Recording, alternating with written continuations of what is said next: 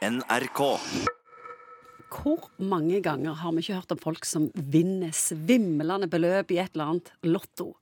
Store smil i mediene og forteller om alt de skal bruke den nye formuen på. Det er jubel. Så går det noen år, og så hører vi om skilsmisser, konkurser.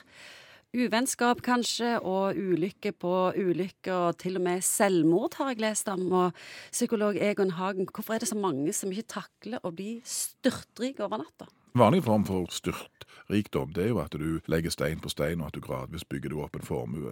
Sånn at du gradvis lærer deg å bære både fordelen og de utfordringene som er knytta til å forvalte så store verdier. Problemet når du ikke har gått i de trappetrærne, men du bare liksom plutselig så står du på toppen av, av trappa med 100 millioner i lommen, så er det jo mange som går litt bananas. Og noen er nok lagt litt sånn personlighetsmessig som gjør at de har relativt dårlige forutsetninger for å styre det. Ja, og folk rundt deg forandrer seg òg. Ja, og da er det iallfall greit å ha noen venner som du vet har vært der hele veien. Fordi de var jo sammen med deg, likte deg før du ble rik. For da kan vi fort risikere at det er mange som melder sin interesse når du plutselig sitter med 100 millioner i fanget. Ja, fortell hva som skjer. Før trengte du aldri lure på det, for det var ikke noe penger å hente. Det var rett og slett bare der folk likte å være med deg. Men kanskje det viktigste er jo òg at du må Hvis du da er litt sånn du går liksom all in og liksom har litt problemer med å tenke langsiktig og styre impulser og alle disse psykotingene der, så klart at det å plutselig sitte med 100 millioner på konto, det er litt vanskelig.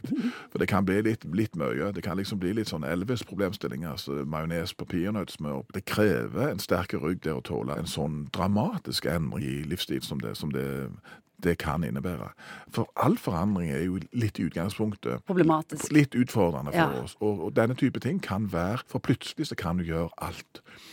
Litt sånn jeg hørte han, Kurt Cobain, han som spilte i Nirvana her tidligere, han sa det at eh, før han ble rik, så kunne han gå inn og finne en kul caps på en sånn secondhand-butikk.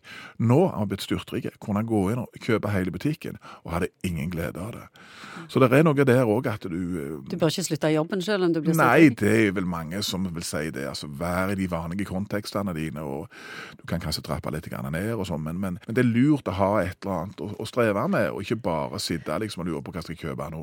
Og så har jeg tenkt på at det må jo være vanskelig å å vite hvordan du skal dele denne formuen med deg. Altså, for din beste venn, eller er det de tre beste vennene, eller de syv beste, og familie, skal du gi dem én million, eller blir det litt lite når du har vunnet 300 millioner selv? Altså, det må jo være litt sånn Hvor skal du sette grensen? Det må jo oppstå enormt med problemer. Mm, det er veldig mange som velger å håndtere dette helt anonymt, for nettopp for å komme klar noen av de dilemmaene der. For Jeg tror nok at det er ganske strevsomt med alle tiggerbrev. Folk, folk skriver jo og, og ringer og ber om å få penger. Hvordan du skal forvalte dette, det er jo ditt eh, jeg, fordømte privilegium å gjøre eh, så- sånn som du vil med det. Men det, det er nok en del ting som er lurere enn andre ting, og det er kanskje å tenke litt langsiktig. Og hva i all verden skal du bruke dette livet ditt til når du ikke lenger trenger å vente på lønningsdagen den 20.? Tenk om vi klarer å gjøre det å vinne i Lotto noe så drit.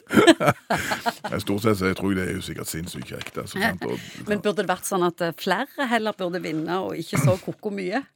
Nei, det har jeg ikke noen tanker om. Ingvild. Det er vel noe, det er vel liksom, Grunnen til at folk gjør det, det er jo liksom den drømmen om at du skal få altså en utbetaling som er så hinsides som at det snur opp ned på alt. Og så er det bare det sanne noen ganger at det er ikke alltid det som kommer som en venn, blir en venn i, i lengden. Jeg tror YouTube er full med sånne videoklipp, folk som forvalter denne formuen sin ganske dårlig.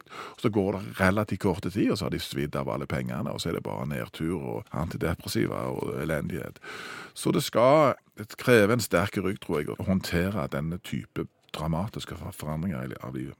NRK.